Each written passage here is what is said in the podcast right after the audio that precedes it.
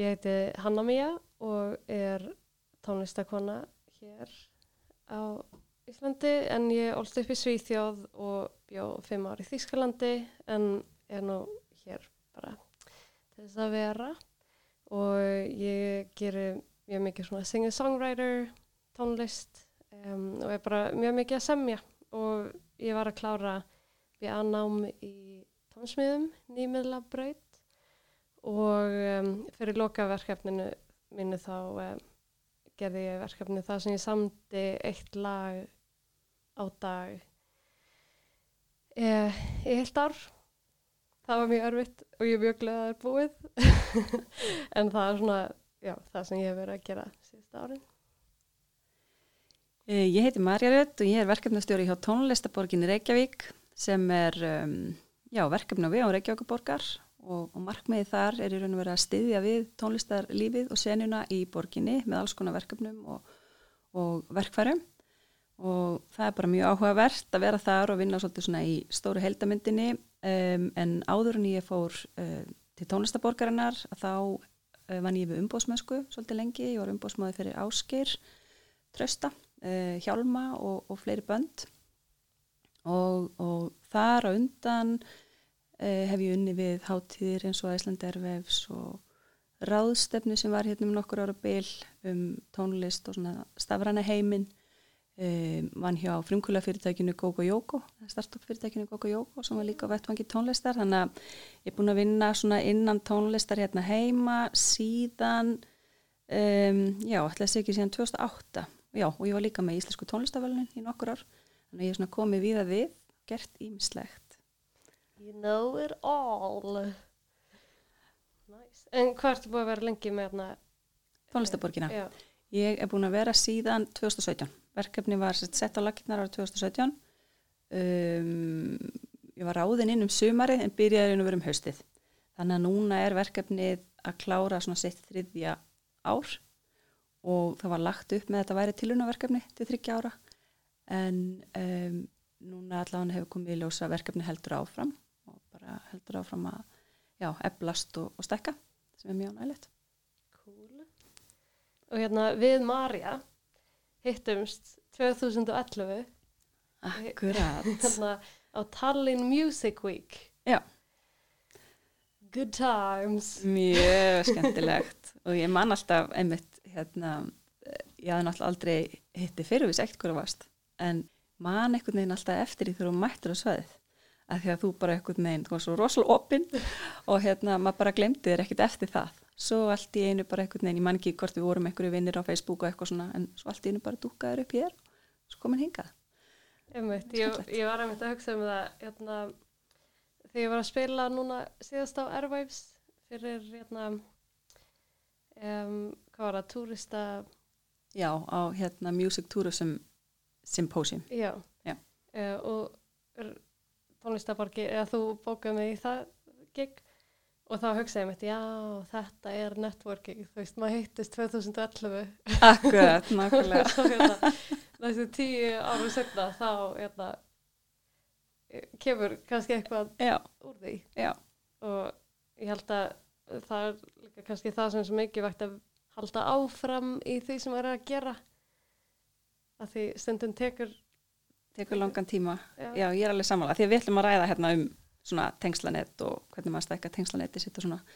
Ég er einmitt mjög sammála þessa því að fyrir mér er, ég hef einhvern veginn aldrei, hérna, ég hef aldrei verið þannig svona networker að, að hérna, ég fari bara einhvern veginn alveg eftir fólki og ætla bara að reyna að sapna því einhvern veginn, einhvern póka til þess að hafa í mínu tengslanetti, en þetta er akkurat svona bara,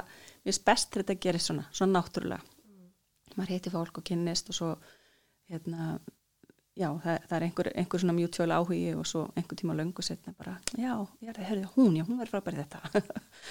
Það er, hérna, ég hugsa stundum að þetta er svolítið eins og bara eins og samband eða þú veist, svona networking er bara svolítið eins svona vera á Tinder. Já, eða þú veist, að maður getur svona maður getur svona, þú veist fengi fólk að fá áhuga með að vinna saman að því maður er með mikið peningum eða þú veist, eða svo þarf það að vera eitthvað svona, þú veist, bara er svona mutual, þú veist, áhugi og, já, já, og að mann finnst gaman að vinna saman. já, akkurat. Jú, og svo það er líka eitt sem að mér finnst líka áhugavert í þessu sko, því að stundum er maður sjálfur einhvern veginn að reyna að hérna efla tengslanetti sitt og maður þarf að komast í samband við fólk, en svo hef ég fundið, kannski, kannski auknumæli líka bara í mínu verkefni þegar maður er að vinna svona í, í heldinni og í tónlistasinnu almennt og eitthvað, þá er maður sjálfur allt í einu orðin svona, ég held að kalli svona konnektor,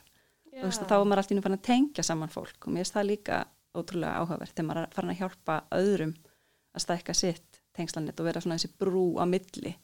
Og það getur maður alltaf líka að nota sjálfur þegar maður er að, að vinna í tengslanettinu og á að gera held ég, ég held að alltaf gott eða þú ert einmitt að vilt komast í samband við ykkur á mannesku og svona að kannski finna aðilan sem að þekki viðkomandi sem þú þekki sem getur þá tengt mann við viðkomandi að því fólki er líka bara að fá eitthvað miljón tölvuposta frá fólki sem vilja fá hjálp og Akkurat, eitthvað já, og það er alltaf sterkara þá einmitt ef að, ef að viðkomandi er að fá tölupost frá einhverju sem að þekkir sem er þá bara að kynna til leiks einhvern Mhm. sem að vil komast í samband við, við aðelan sko.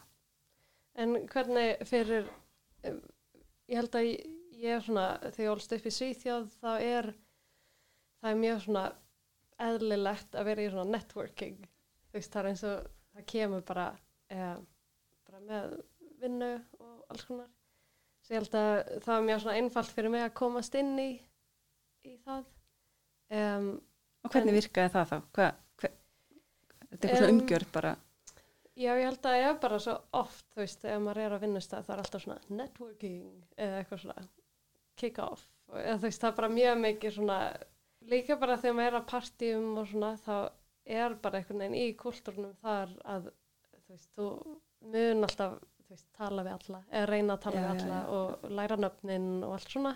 Og það er kannski ekki alveg þannig hér. það er alls ekki þannig hér. Ég, mitt, ég tek alveg undir þetta því ég hérna, lærði í Danmörku, þar var þetta líka svona. Það var svona sett einhvern veginn inn í einhvern ramma og mér fannst þetta rosalega erfitt, einhvern veginn. Að, að kynna sér fyrir fólki, næstu því bara vera með eitthvað svona, einhverja lifturæðu, svona elevator pitch, bara hver er ég og eitthvað. Og að, þetta svona að fara inn í eitthvað svona rammaðu umgjör hefur alltaf svona staðið í mér. Mér finnst það ekki þægileg, þægilegar aðstæður. Og það er kannski einmitt það, þú veist, eins og er eins og eitthvað svona dating. Þú veist, að munun er kannski ef að svona networking er svolítið eins og svona speed dating og hitt er svona að, þú veist, hitt er eitthvað á kaffehúsi eða þú veist, þegar gerist meira svona bara því maður er með samanlega vini eða Já, er að vinna á sama stað.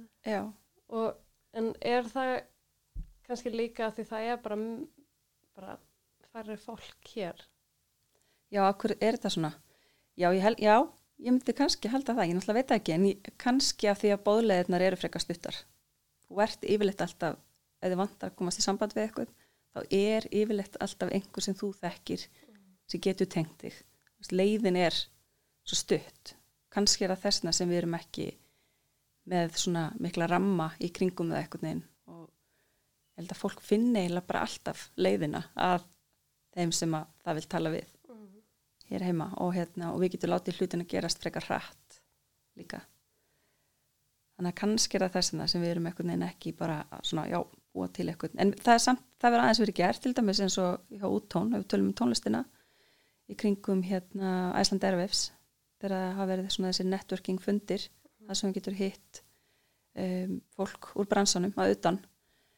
Um, já, og su- sumir, sumir blómstreikunin í þessum aðstæðum en mér sjálfur finnst það alltaf erfitt. Mm, Já, ég hef tekið eftir það mitt hérna, að því ég kom hingað 2017 og um, byrjaði þá í allá í og svo fórum við setjum á eitthvað svona eh, þú veist, tón, kvikmynda tónlistar rafstafnur og eitthvað svona bara með fólki úr bekknum og svo var alltaf svona, já, eftir þetta það var svona networking. Og ég var alltaf svona, ó, gaman. Og allir eru bara, förum og fá okkur bjóð er svona, þú veist, það tók svona tíma fyrir mig að fatta að var ekki þannig, er ekki þannig hér. Akkurat. og hérna ég er svona ennþá að reyna að fatta svona hvern, hvernig það virkar. Já, að því eins og í Svíþjóð eða Þýskalandi þá er það svona, ok, ef við vilt gera þetta þá fer það á þessa fundi og hittir þetta fólk já, já, já, en hér er það kannski ekki skýrt. Nei, en hérna, svo, ef ekkur er að byrja í tónlist hér er svona búið að gera fyrsta plötuna eitthvað hvað á það leiðir á að fara? gera? Já, ég meina ef þú ert til dæmis bara að reyna að kynast fólki og láta vita af þér og svona ég meina ég hef oft fengið posta frá, frá fólki sem er emitt kannski bara að stíga sem fyrstu skrefi tónlist eða er að velta einhverju fyrir sér og svona. Og ég meina maður kann alltaf persónulega kann ég alltaf mjög vel að metta það þegar að fólk hefur samband og er bara að leita ráða og bara hreinskilið með það og spyr hvort maður vilji taka eitt kaffebólla ég held að ég held að flestir taki jákvætt í það. Um, fólk áuruglega mis auðvelt með það að senda svona post eða, eða bara prófa svona blákalt að hafa samband. En þú veist, ég veit ekki um neitt sem að veist, myndi verða reyður að breyðast illa við að fá svona post. Ég held að ég lett bara geri, reynir fólk bara að, að hitta fólk og taka spjallið og svona. Þannig að ég myndi svona alveg óhygg að mæla með því eða ert til dæmis að leita að einhver fólki til þess að vinna með þér eða um, eitthvað slíkt. Eða bara, ég held að sé sko ein svona eh, kannski góð nálgun er einmitt bara þú vilt kannski stækka tengslanettið þú vilt komast í sambandi við ákveði fólk. Mjög gott einmitt að fara kannski með það hugafar að ég er að gera þetta, mér vantar smá aðstóð eða ég er að velta þessu fyrir mér, gæti ég hitt þig yfir kaffibólla og eitthvað. Þannig að þú snýrið þessu upp í svona um, svona spjallum eitthvað ákveði topic eða vilt fá aðstóð um, kannski frekar heldur en að byrja strax að því bara ég er að gera þetta, verður þú til að vinna með mér? Eða, Já, eða ég er að leita að umbósmanni eða bókara eða eitthvað slíkt. Þannig að að byrja frekar bara svona ég langar bara að hitta þig og spjalla ég er að velta þessu fyrir mér og, hérna, og hefur áhuga því.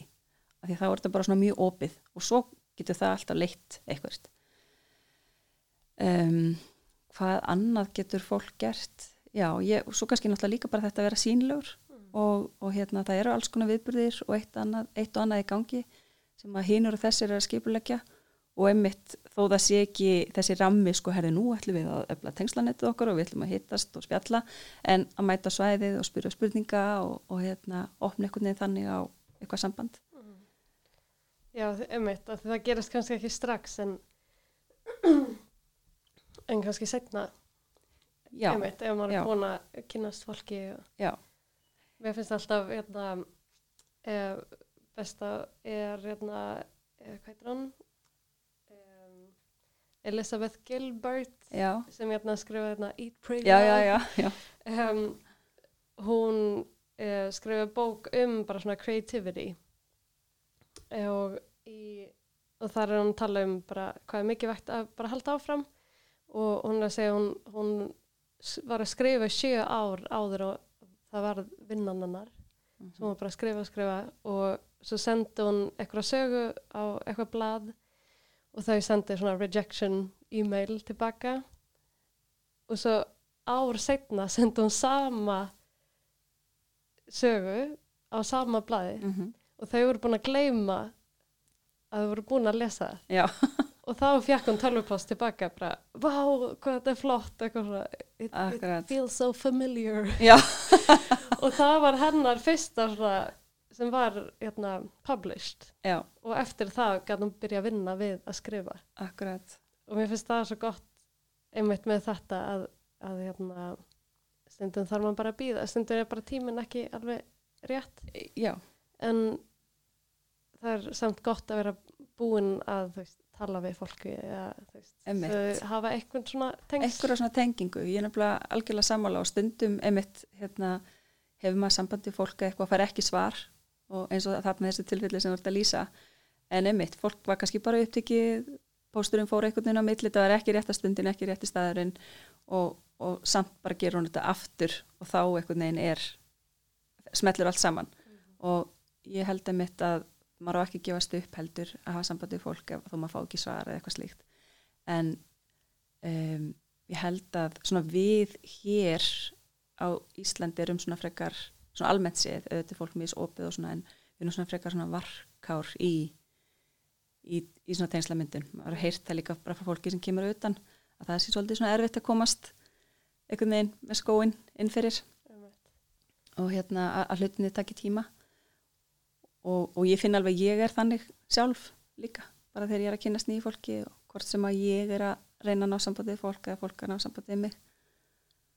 Já, það tekur alltaf svolítið lengri tíma. Líka bara, maður geta ekki verið bara með eitthvað svona elevator pitch eh, hér Nei, ég- nei, nákvæmlega, það hljómar eitthvað svo cheesy veginn En líka því eins og í mörgum löndum þá hérna, þú veist, er bara svo mikið fólki að þetta er kannski eina, þú veist, stundin sem mun hitta þessa mannesku Já. og sem getur gert eitthvað svona Já. impression Já. sem maður skil alveg úti að það er mikið vægt að vera með eitthvað svona Já, þetta er bara öðruvísi, samkeppnin og bara mannmerðin er eitthvað meiri þannig að það en, þarf að en vera svona hér, hér ertu að fara að hitta þessa mannesku þú veist, í brúðkaupi í næstu viku og þú veist á götu og eitthvað. En ég var, eitthvað, ég var búin að segja mér sko þegar ég var út í námi og það var alltaf, veist, ég fann bara að ég var ekki alin uppið þennan sama kultúr og, og hérna aðrir þarna. Og þá hugsa ég, ég var bara búin að hugsa, ok, ég er rosalega lélegur netverkar. Ég er bara rosalega léli í þessu, ég er bara rosalega feimin og óframfærin en mín takt ekki bara öðru vísi. Og svo allt í henni í dag myndi ég bara segja, ég var bara með mjög stórt tengslanett bæði innlent og erlent og þannig að svona maður líka bara kannski þvingi sér ekkit endilega eitthvað aðstæður sem hann líður ekki vel í. Leifur hlutunum frekar að koma svona náttúrulega. Bara eins og í ástafsambund Já, en ég, hérna, því ég mann svo vel þegar þú um mitt komst og hittir okkur hérna í Tallinn að, að því að eh, kannski er það mitt að því að þú bara ólst upp í hérna svona öðrum aðstæðum. Að ég man, þú varst bara eitthvað nefn búin að kynast öllum á nóinu. Ég hef aldrei yfir segt hver varst en allt í hennu bara, veist komst bara með okkur strax út að borða það var engin svona hindrun. Þannig að hérna, ég vil líka 19 ára en broke. Já, akkurat. En, en hérna þannig að þú augljóslega náttúrulega ert líka þá svona kannski fæð í þessum aðstæðum Já. sem að við eh, svona almennt sé kannski hérna heima erum ekki. Já, ég held að ég líka svona fekk svo snemma svona fattaði hvað getur verið skemmtilegt að þú veist, kynnast fólki að þeim að svona þú veist, hluti gerast sem var kannski ekki búin að plana Akkurat. um, og bara með oft að bara kynnast fólki og svona um, bara hafa gaman og þú veist, ég var í Tallinn að því ég var alltaf að hanga á hérna, hjá British Council Já, í Svíþjóð. Að það var einn vinn minn sem var að vinna þar og við vorum bara alltaf að hanga og spjalla. Og svo var British Council með eitthvað svona workshop Já, á. Tallinn Music Week. Og, og hann þurfti að senda eitthvað og þá var hann bara, já, er hann á mig að gera tónlist? Og þess vegna var ég þar. Og svo lendi ég eitthvað hérna, einmitt eitthvað svona networking party um, þarna og þá bara heyrði ég eitthvað tala íslensku. Og, hérna, og þá var það ég held ég grímur og Anna Já. Hildur og ég bara, wey, íslendinga. Og svo voru þau þarna. Um, já, ég held að því hérna, einmitt, ég bara fæðist svolítið svona kikk út úr því. Eða því hérna einmitt bara kynnast fólki akkurat. um, og einmitt á þetta kvöld sem við hittumst þá hérna var líka, líka þrýr svíjar Já, og ég var eitthvað, ó, svíjar og við byrjum að tala saman. Þau eru með eitthvað svona um, bara eh, svona auðlýsingastofu í Stokkólmi og ég er einmitt núna heima að gera svona pitch sem ég er að senda til þeirra fyrir bara tónlist í auðlýsingum ok, emmi, gott dæmi þá. Við sýtum hér að spjalla saman, mörgum ára síðar og, og svo þetta. Þannig að já, og ég hef hitt þau líka þau koma til Berlínar, ég var að vinna þar einmitt á svona stofu sem finnur tónlist fyrir kvikmyndir og auðlýsingar svo þau komu til Berlínar og ég einmitt var með fund veist, með þeim þar. Og einmitt, ég held að það er svona svo skemmtilegt að leifa svona að taka tíma Já. Eitt sem ég er að velta fyrir mig líka er að að þegar við hittumst þarna 2011 þá náttúrulega veist, við erum á Facebook og svona. Og hann Darren Webb var líka þarna Já, sem að hefur séð um vefmálin eða eitthvað slíkt fyrir Sigur Ós við erum ennþá í samband líka. Akkurat, þannig að ég held að það sé líka svona einleið emitt þegar þú hittir fólk og kannski nærið einhverju svona góðu spjalli, bara almennu spjalli og, og hérna og þú ert áhuga sem um fólki og svona að, eins og við, bara þarna urðum við einhvern veginn öll vinir á Facebook. Það er alveg svolítið svona snið hvort sem þú nota Facebook eða kannski einhvern annan samfélagsmiðil að eftir að þú hittir fólk að þá bæta því við á vinalistan eða byrja einhvern veginn að fylgja því eitthvað því að þá, þó að fólk sé ekki stöðu í sambandi þá eins og með þig, þú veist, þá bara svona reglulega hefur þú poppað upp á Facebook hjá mér. Þannig að það og þannig óbeint er maður að rekta tengslanetið sitt líka, sko.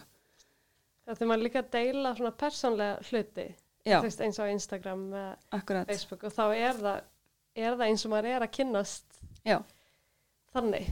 akkurat og þá líka síðan allt í innu þegar kemur að þessar stund þar sem að þú veist eins og við reyndar höfum hist fyrir það en til dæmis að bóka þig á þetta málþingatna og svona þá, þá er það einhvern veginn bara mjög svona náttúrulegt og auðvelt. Ég held að hvernig maður getur nýtt samfélagsmiðlana á þannig hátt sko að maður sé einhvern veginn að rekta tengslanetið eða stekka það að svona já þessi gott að huga því þessi góð leið.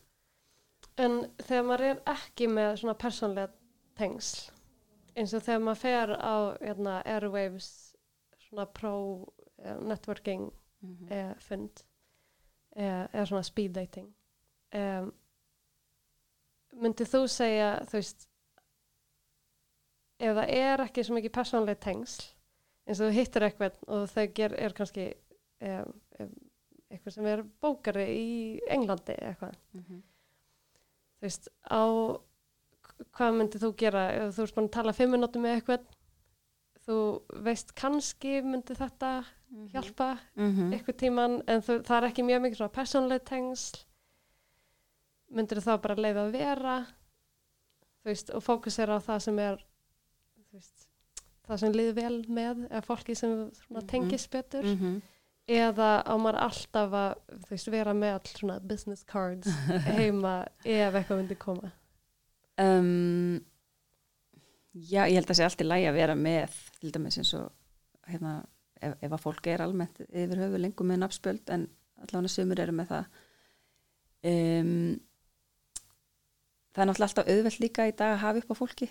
Þó maður fái kannski ekki netfangið eða tenginguna einhvern veginn, að því að mér finnst oft líka ég veit ekki, kannski er það bara svona minn karakter einhvern veginn að maður vill heldur ekki einhvern veginn vera of einhvern veginn uppáþrengjandi eða ganga einhvern veginn of langt. Mér finnst líka auðveldar að bara hugsa ok, herði já þetta var nú áhugavert eða eitthvað.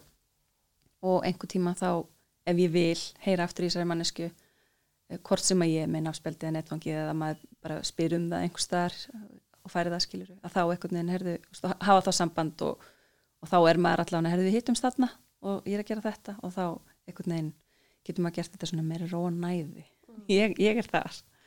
Ég hef einhvern veginn, veist, ég hef unni líka náttúrulega því að ég var að vinna með artistum og svona mér, mér fannst ekki gott að fara í aðstæðar þar sem ég átt, átti bara að tala við hvert sem er og reyna einhvern veginn að pizzaverkefnin eða sjálfa með eitthvað. Hef, mér hefur bara aldrei liðið vel í þeim aðstæðum sko. þannig að mér finnst svona mér hefur alltaf fyndist bara einhvern veginn betra þá frekar að eins og erveifs um, og nú er ég ekki að mæla gegn því að fólk fór á networkingfundi, fólk verður bara að finna hjá sjálfu sér hvað þið líður vel með. En mér er gott kannski bara svona að sjá okkur hverjir er ég þarna og er einhverjum sem ég hef áhuga á að hitta? Og, og til dæmis eins og við gerðum með hérna um, áskeir svona snemma á, á, í ferlinu að þá svo maður minn reykur hérna upp í Hafnfyrir Já. og við, við byggum bara til viðburð upp í hljóriða og, og hérna þannig að við gerum þetta bara svona okkar fórsendum og buðum bransaliði að koma og, og hérna mann og ekki alveg nákvæmlega hvort við vorum eitthvað lista frá hátíðinni eða hvort að við bara spottuðum út fólk sem okkur fannst áhugavert og buðum fólkin að koma alla leið út í Hafnarfjörð. Og hérna og fengum, eitt ári fengum við prins Pólo til þess að grilla bulsur og hafa með kartiblumús með chili og kóriander og svo vorum við bjór og gós og bara tónlist á fóninum og svo spilaði ásker og, og yfirleitt settum við fleiri hérna, artista á dagskrona líka en kannski tveir til viðbúta sem bara voru með þessu spilu þetta fannst mér við gerum þetta í nokkur ár, rosalega góð leið líka, mm -hmm. veist, að búa til eitthvað svona hérna, eitthvað svona valjú eða eitthvað, eitthvað áhugavert fyrir fólk mm -hmm. það komið allaveg hinga, það er alveg gal opið fyrir því að upplifa skemmtilega hluti og af hverju ekki að koma í eitt elsta hljóður á Ísland út í Hafnafjörði og koma að borða bulsur og, og sem prins Pólo býr til og allar þessar sögur þannig að við, veist, við gerum þetta til dæmis mjög lengi og þetta hjálpa okkur alveg fullt, kentist fullt af fólki og fólk, veist, mann ennþá eftir þess að tala ennþá um þetta og svona. Þetta er mjög sniðið því fólk vilja bara líka bara gera skemmtilega hluti. Akkurat. Og ef maður er alltaf á svona eitthvað networking speed dating dæmi þá líka ef maður er oft í þannig aðstöðu þá blandast allt svolítið saman Þess, það verður ekkert svona uník upplifun. Já. þannig það er alveg gott að hafa en einmitt kannski meira ef fólk veist, muna kannski eftir Já. eitthvað sem er örfisi Akkurat, akkurat. Og þú svona brítur í ísin eða kynist fólki án þess að vera eitthvað neina alveg svona beint svona á eftir því einhvern veginn að reyna að fanga það eða fá það til að vinna með þér eitthvað heldur bara svona meira hefðu, langar ykkur ekki að koma og gera þetta og, og, og þannig allt í næstu bara búin að kynast fólki. Eins og líka bara þegar allir tala um hérna aðal sigur ósar giggið þarna í fríkirkina Já. Þú veist, það hafði kannski ekki verið ja, sérstakt eða hafði verið á eitthvað svona meira svona vennlegt vennju Já, akkurat. Þess, það er kannski upplifun svona, já. Þannig að ég held að fólk eigi líka alveg vera óhrætt við það til dæmis að, hérna, að, að, að búa til eitthvað, eitthvað skemmtilegt mm. eitthvað viðbyrju og, og kynast fólki þannig um, en svo er ég, ég líka að hugsa sko einmitt oft varandi útlendinga og svona nú hérna, ekki ég ætla að einn aðala sem að er hann er svona, hann rektar tengslanleiti greinlega mjög svona formlega og næstuði eins og það sé bara svona í einhverju dagbók Já, hvað, hvað þann er? Uh, við komum til frá Breitlandi en það er svona, þú veist, sendir bara reglulega post, Já. spyr bara hvað segiru, hérna, þú veist bara hvernig gengum við þetta? Segir aðeins frá því hvað hann er að gera eitthvað. Og hvers skipti sem að kemur til landsins, þá var hann örgulega bara með hópa fólki sem að sendi línu á veist, og hefur að taka spjall og kaffi. Mm. og veist, þetta er líka svona einleið En þú finnur samt fyrir maður finnur samt fyrir því að þetta er það er svona, það er þú veist að, að markmiðið er einhvern veginn að rækta tengslinn maður finnur það alveg það er svo áhugavert það er mjög áhugavert, já, finnur það strax já. að hérna man, það er svona, mann get ekki feika eitthvað svona. Já, akkurat. Ok, ertu búin að fara að fá þig kaffi? já, já, já, já, já, já það virkar kannski? Það virkar alveg, þannig að segja að þetta er ekki, það er ekki, frá, mér finnst það ekki fráhrindandi ef það er svona bara bara genuine áhugi á og eitthvað svona samjölu flötur auðvitað líka mm. og svona þannig að já, já, það finnst mér alveg virka líka sko. og eins og ég segi, mér, mér finnst líka það er alveg virka fyrir mig þegar fólk hefur bara svona blákalt samband og, og svona, en eins og ég segi, mér finnst ágætt ef að það er þannig að það er svona þú veist, það, er, það, þú vart að vera með eitthvað svona ástæði það sé rosa gott og ég held að sé alveg sniðið að, að þú, það er einhver ástæði fyrir þú að hafa samband í manneskuna að þú heldur að hún geti bætt ykkur við fyrir því að hjálpa þið með eitthvað. Að taka þann vingil mm. veginn í samtali að því að vilja allir hjálpa. Vilja allir, þú veist deila ykkur með öðrum og, og hjálpa til. Um, Ég verða mikið að hugsa um þú veist, þegar maður sendir svona tölvupost hvað þú verðst að segja, það er gott kannski að bara byggja um kaffi fyrst og svo getur maður að séð hvað sem kemur úr því. Mm -hmm. En kannski eins og núna þegar COVID þá getur maður ekki verið að ferðast til dæmis og, en maður vil kannski samt mynda eitthvað tengsl við fólki úti. Um, þá er ég rosa mikið að hugsa um þú veist hvað, hvað er það sem fólk vilja fá frá manni? Já, einmitt.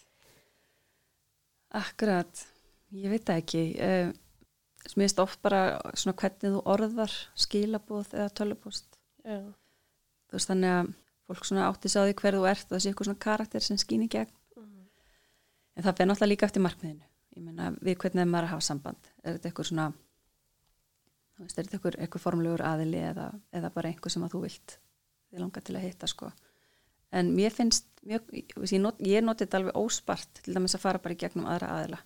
Já, já, það er mjög Og- snið. Og hérna bara nýlegt dæmi að þá sá ég það var búið til myndband í Svíþjóð um hérna tónleika hagkerfið og maður sem heitir Michael Blair, þekkir þú hann? Nei. Hann er Ég held ekki tengt ykkur. hann er, nei, ég, þekki hann nefnilega, ég get tengt ykkur nei. en hann hérna hann er amerikani og býr í Stokkólmi, mjög skemmtilega tónlistamæður og bara frábær kall og hann var að deila þessu myndbandi.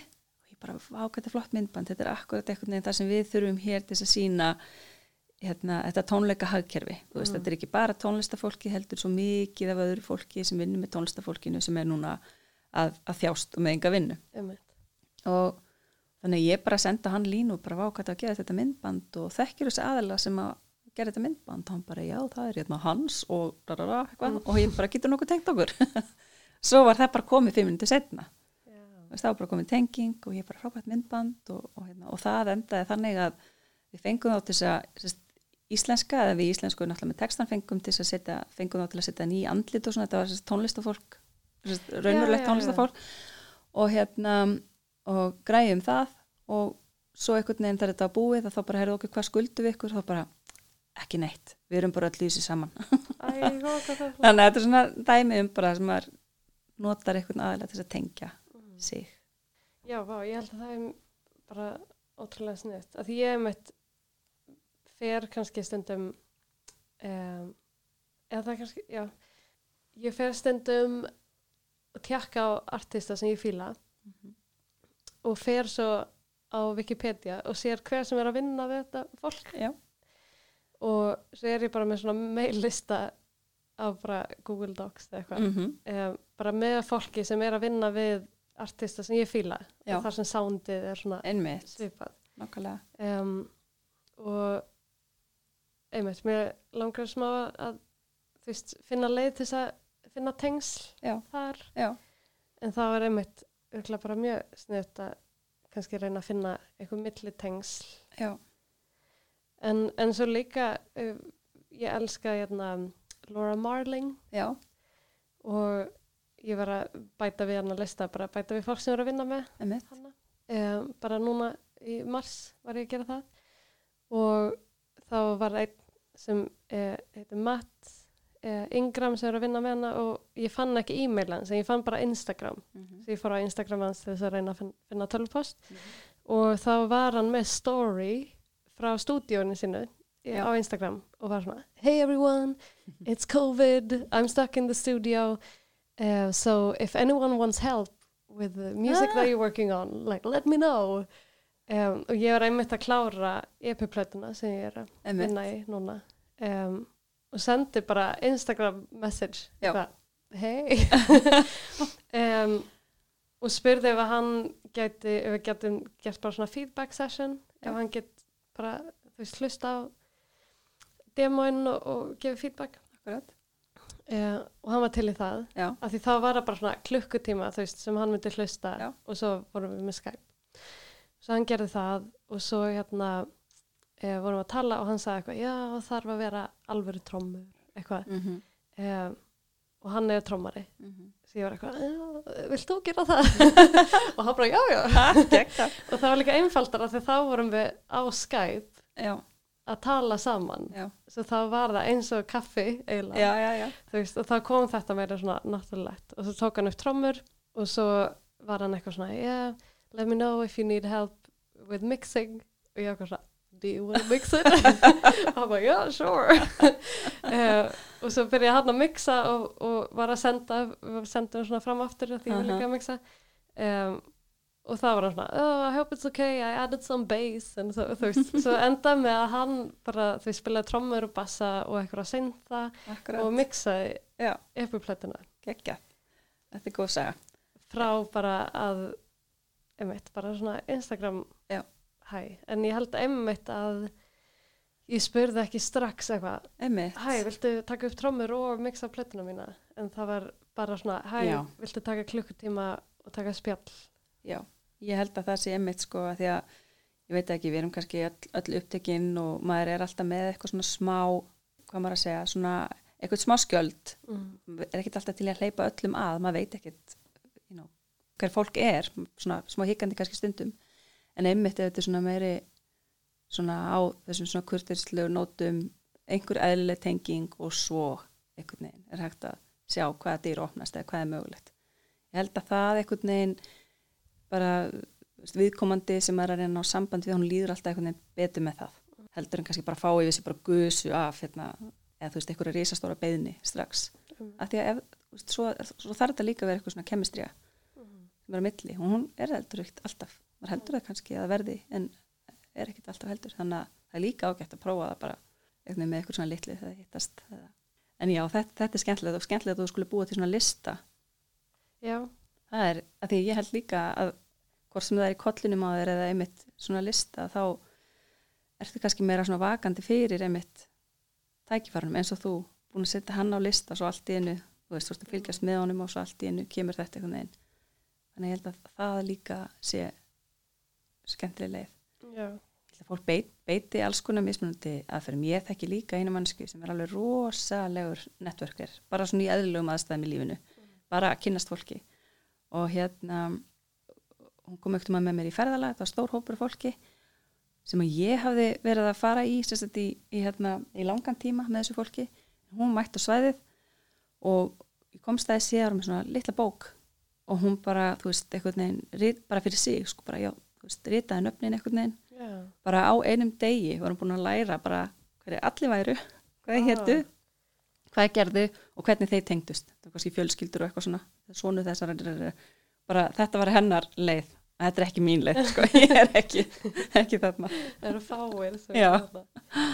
já, ég held líka kannski ef maður er að hlusta á þetta og heyrir, þú veist, hvað við erum að tala um og ég er eitthvað svona, ég elska að tala við fólk. Eða veist, það er alveg þannig. Mér finnst það rosa gaman, en það er líka þú veist, eitthvað kvíði oft já, og ég þekki mjög mikið af fólki sem er rosa döllett í svona networking en þau bara deyja á meðan þau eru að já, gera akkurat. Að það þýðir ekki að, að þú getur gert það ef þú ert rosa extrovert og Já, eitthvað, þú já, já, já. getur alltaf gert það.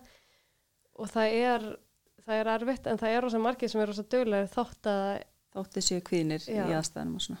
Akkurat, íta sér út í þetta veginn, Já, samt og- sem aður og, og það er kannski líka bara vani mm eða þú veist, bara Já. þú veist, ég, byr, ég man þarna því í Tallinn, þú veist, það var rosa skemmtilegt en stundum, þú veist, var ég bara alveg bara dauð þú veist, eftir Mhm. daginn að því maður er svona Já.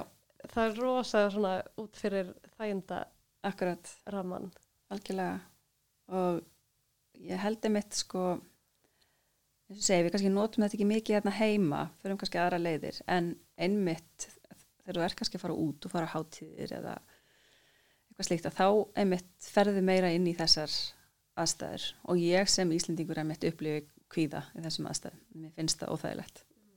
En já, maður kannski svona reynir að harka af sér og líður bara mjög illa og er döðþreyttur eftir daginn, þetta er ekki alveg undir það. En mér langaði líka að benda á einhvern veginn, þegar því þú varst að spyrja um áðan, eða þú ert einhvern veginn svona stíða til fyrstu skref og svona að það eru náttúrulega líka síðan eins og úttón, tónlistaborgin einhverju leiti er þarna líka til að hjálpa fólki bara. Þannig að þú veist að nota þessa skrifstofur þetta fólk sem að, sem að er að vinna í þáu tónlistafólks og það er náttúrulega líka að búa til tengingar.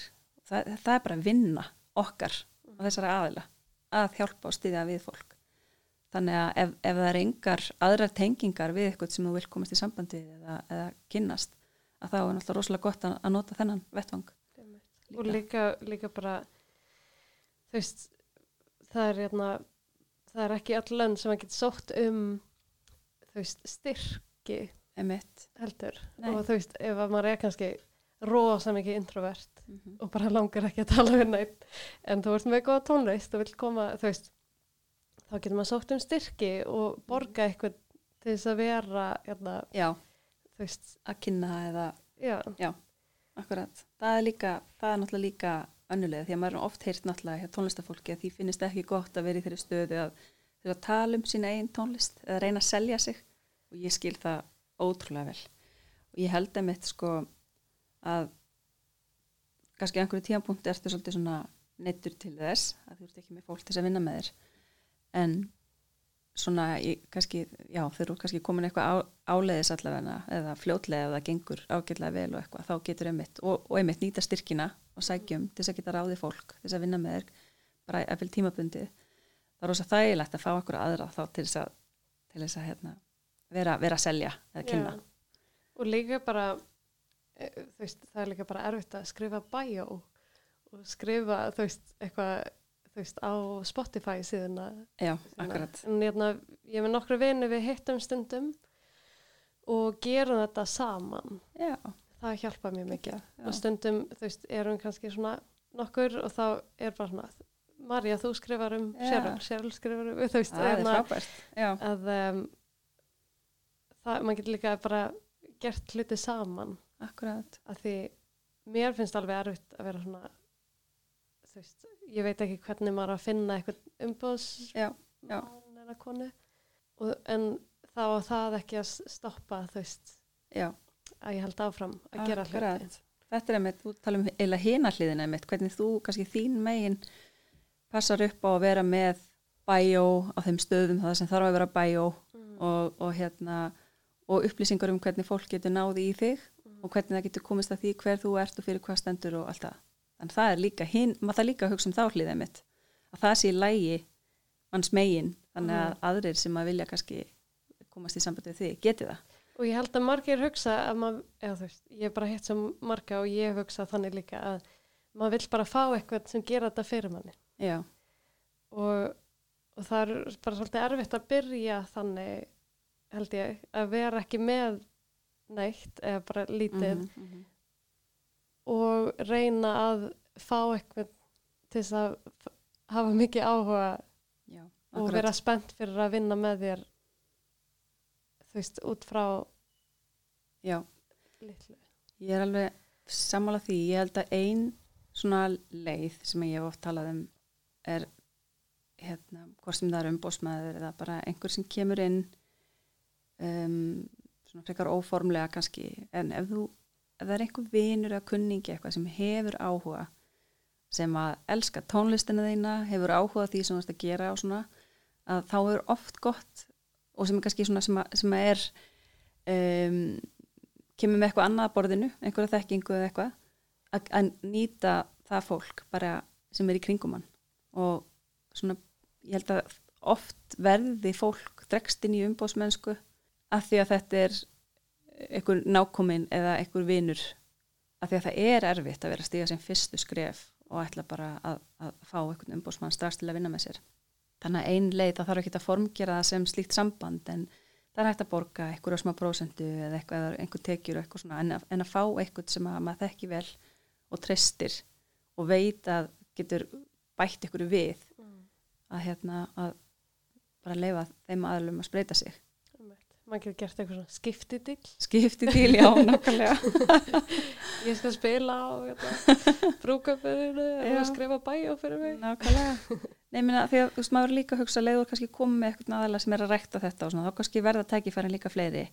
Og við komandi er ekkit endilega að byggja um einhver hálaun en, en getur kannski tekið eitthvað, eitthvað smá hérna, e, e, eitthvað smá kött af, af eitthvað sem þetta er inn. Ég, held að sé e, þetta sé einleið að vinna bara með vinnum Já.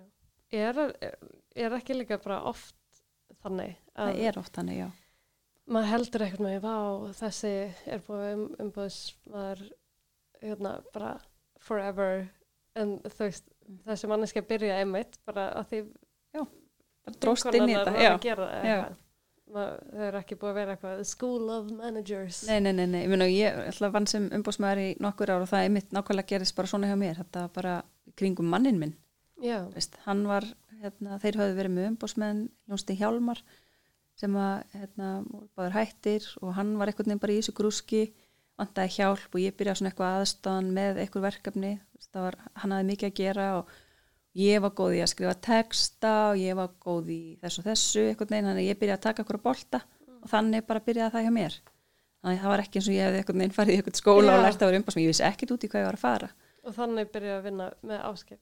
já, og svo, já, og svo gerist það þannig þá líka með ásker en, en það líka kosturinn við það er líka að þá ertu með hérna, manneski sem algjörlega brennur fyrir verkefninu, því verkefnið er einhvern veginn svo nálegt og að því að ég hef oft talað um það líka varandi umbósmenn og fá fólk til að vinna með sem þekkir þig ekki neitt en lítið sem ekki neitt og kemur svona blákalt að málum að þá er sko hérna, er kannski ekki þessi sama ástriða Já. þannig að hvort er mikilvægara sko, öflugt hérna, tengslanlegt viðkomandi eða viðkomandi við unni með þessum og þessum og þessum artista og kannski náða að gera eitthvað frábæra hluti með þeim. Eða aðili sem er bara saminskusamur, vinnusamur, duglur og klár og brennur algjörlega fyrir verkefnin. Bara vakin og sofin yfir því dag og nótt og vill allt gera svo að gangi vel. Af því að þetta er alveg jafnvel alveg tvent ólíkt af því að oft þurfa þetta nálgast svona hérna professional umbásmenn að e, mínu upplifinu svo og oft er fólk jafnvel bara svona sapna í sarpin bara já, til að vinna með þér en það er ekki beint svona e, ekkert frumkvæði eða engin ástriða Og maður vill líka bara vera með vin.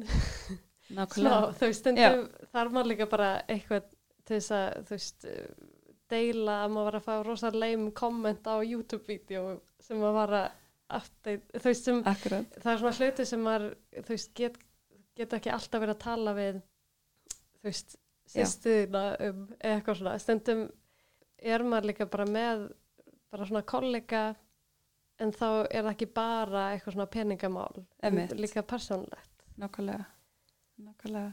Ég held að líka, ég finn það bara þegar maður er að vinna við fólk bara í, tónlistina, þú veist, þegar maður er að pródusera með fólki að Já. taka upp eða mixa eða mastera, að það er að sama þar, Mm að þú get fenn, fengið fólk eins og núna að vera að klára að mixa hérna, með Matt í London og svo spurði ég, já, eh, þekkir eitthvað sem er að mastera -hmm. og þá sann, já, here's another Matt hérna, uh, og þeir eru báðar með umböðs hérna, menn sem eru hérna, heita Charlie ok, okay. þær eru báðar konur já, einmitt. heita Charlie Já. hérna, en, um, en þá sá ég heima sinna hans hérna, hann sem er að mastera og hann er búin að vinna með alla veist, og eitthvað. hérna, en þá þú veist, hann þekki mig ekki neitt Já. og að því hann er búin að vinna með alla Já. með öllum þá hérna, fær hann alltaf fullt af vinnum Já. og fyrir hann e, mun EP-platan mín vera bara svona akkurat. One of a hundred. Já, nákvæmlega.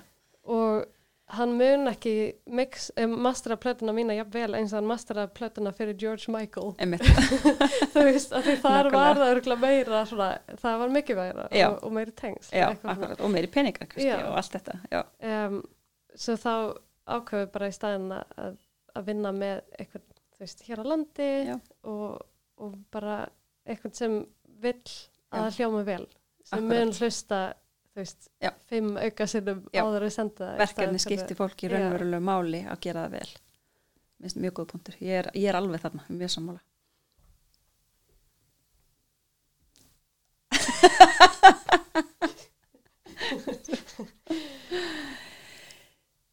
Uh, já, við vorum búin að fara alveg bara út um viðan völl. Og hérna, ég veit ekki hvort að það sé einhver, einhver, einhver, einhver lærdóm að draga af þessu. Ég er búin að læra alveg fullt já, ég, meina, já, sko, einmitt þetta bara með hvað er mikilvægt að það er persónlega tengsl Já. og að einmitt bara hvað fólki sem maður er með kringum sig get þú veist, mhm, gert mikið Já. með manni Já. og ég held að stundum bara gleymum að, að kannski tala um svona hluti Já. við vini um, ég, um daginn þá hérna, bauð ég nokkru vini bara heim til mín og fólk sem er að gera mismunandi hluti í bara svona í tónlist og umkringum tónlist. Uh svo það var hérna, ein kona sem er með hérna, Erlendur já, Magazine já, og dóttir hennar sem er hérna, að vinna um, bara svona sem stilisti og, og Mhm. mótel og, um, og svo einn stelpa sem er hérna, hönnuður og svo vinkonum minn Kat sem er ljósmyndari og og nokkri sem eru í tónlist og, og svona. Og við vorum bara með klukktíma fund heima. Og ég leiði öllum bara að segja hvað þau eru að gera og hvað þau vilja að gera. Mhm. og þetta er fólk sem ég er mikið að hanga með en ég hef aldrei spurt þú veist, Emmitt. hvað er það sem þú vilt gera? Já, já, já, um, að því maður hugsa bara að það sem fólk er að gera er það sem við vilja að gera. Mm og daginn eftir þá allega Kat og ég, hérna hún sem er ljósmyndari að fara um kringum landið Mm. að því hún var, var að vinna við að taka ljósmyndir af hérna harfiski fyrir fyrirtæki um, og svo förum við hringin og, og þá segir Kat hérna, um, ég hef alltaf dreymt um, eða þú veist, ég hef bara ljósmyndari og tek mikið svona product photos en ég hef alltaf dreymt um að gera tónlistamindband Mm. Og hér er ég nýbúin að klára epiplötu og við erum að fara í viku í ferðum kringu landið saman og ég bara, hey cat you can do my music video þú veist, þess að gerum Já. við tónlistamindband Ég- Þetta er ekki mér, mér, þetta er alveg frábær hugmynd, þetta með matabóðið og svona. En varst þú þá, er þetta allt fólk sem þek- þekkist innbyrðist, eða, innbyrðist eða varst þú að tengja? Varst ég var að tengja Já, þannig að tengja, við erum búin að tala um það með. einmitt. Og líka, minnst áhugavert að því þú spyrir hérna, hvað ert að gera og hvað viltu gera því að aftur er útgangspunkturinn einhvern veginn um, svona þetta að vera auðmjúkur og byggðum hjálp eða veist, sem við erum líka búin að tala um það getur Mhm. verið svona þegar þú ert að hitta fólk að þá kannski emitt bara ég er að gera þetta langa svo að læra eitthvað meir um þetta eða vita meir um þetta, eða smá aðstof með þetta því ég held emitt að, að, að hérna, allir sé einhvern veginn að vilja gera þetta til þess að stiðaði fólk þarna nota þú emitt líka þetta er í raun og þannig spurning er, er eitthvað sem að við getum hérna hjálpaði með eða getum við einhvern veginn tengt saman um eitthvað sem að þú vilt gera? Einmitt. Að, já, og það þarf ekki að vera erfitt eða þú veist, ég ákvæði með þetta að þetta átti bara að vera klukktími og svo að grill. Og þá getur fólk, ef bara vilja slaka. fara eftir Já. klukktíma þá er alltaf læg en svo getur maður líka verið að hanga saman. Einmitt. og þú veist, þetta er, var fyrir mánu síðan og ég veit að einn sem var með okkur hann hérna, vildi byrja að semja meira tónlist. Mhm. og við vorum að klára núna Eurovision lag sem Já. við varum að þú veist, að því ég er að semja bara í gamni og það var bara, já, hann, hún langar til þess að Já, semja, þá, já. já, það, viltu ekki semja með mér? Og gera það. Og svo voru nokkri aðrir sem er í tónlist sem saknar svona spila saman. Og núna er þau búin að hittast og vera að djama saman eða spila tónlist. Og svo er einmitt hún sem er hérna að fatta hann er þú veist, er búin að vera að tala við Kat sem er ljósmyndari Einmitt. og þú veist, allir geta alltaf gert svo mikið saman. Algjörlega. Þá er svo þægilegt að vera búin að hittast. Já, og bara þá er svo einfalt að senda tölvpost eða Facebook message. Þú ert nefnilega held í networker döiðan sko. Held að það sé niðurstaðan í þessu samtali Hanna Mía, networker döiðans en ég held einmitt bara að því að það fjallar ekki um networking eða fjallar bara um að, að, að maður liði vel með fólkinu sem maður hefur um kringu sig. Akkurat. Og þú, já, þannig þú að skapa líka bara frábæra aðstæð fyrir annað fólki kringu þig. Og búin að búið til fullt af tengingum fyrir það þannig að það er æslegt ég skal láta þau vita næst. Já, bjóttu mér næst endilega. En líka ástandið ég var með þetta er líka að eins og í Svíþjóð þá er svo stór hluti af bara samfélaginu er að það er svo mikilvægt að hugsa um hérna, fjölbreytni mm og bara svona diversity -hmm. og þau ert að vinna í eitthvað svona or, or, organizations eitthvað svona, þá er maður alltaf að hugsa um veist, hvernig getum við fengið fólk frá mismunandi bakgrunn og Já. þú veist, um mismunandi aldur og Emmett, mismunandi, þú veist bara hluti af samfélaginu. Akkurat. Og ég, mér finnst það, þú veist, það er bara ekki svo mikið af fólki á Íslandi. Nei, en mér finnst samt að, að svona eh, hittingar, þú veist, get gert svo mikið að einmitt, þú veist, brjóta upp svona klíkur. Já, brjóta, brjóta ísinn og og, og, og bara leifa fólki kynnast svona yfir bara svona mismunandi veist, kultúra og, og bara svið sem fólk er að vinna. í. Akkurat, við erum svona stittur og við komin í þessu líka með fjölbreytninu og svona. Já, en það er svo einfalt að, að jæna, bara tengja fólk. Já. Og þetta náttúrulega einmitt gerist gerðnana hérna, fólk fer svona, þú verður í einhvern veginn svona þínum þægindaring. Mm. þinni klíku og ferði jáfnvel ekkert út fyrir það. Þannig að þetta er frábær, frábær leið. Gekja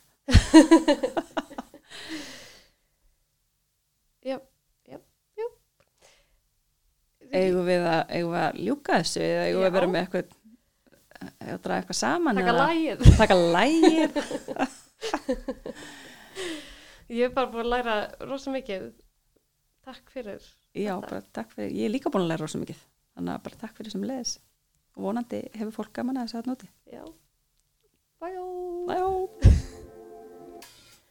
Takk fyrir að hlusta á þetta hlaðvarp frá Útón.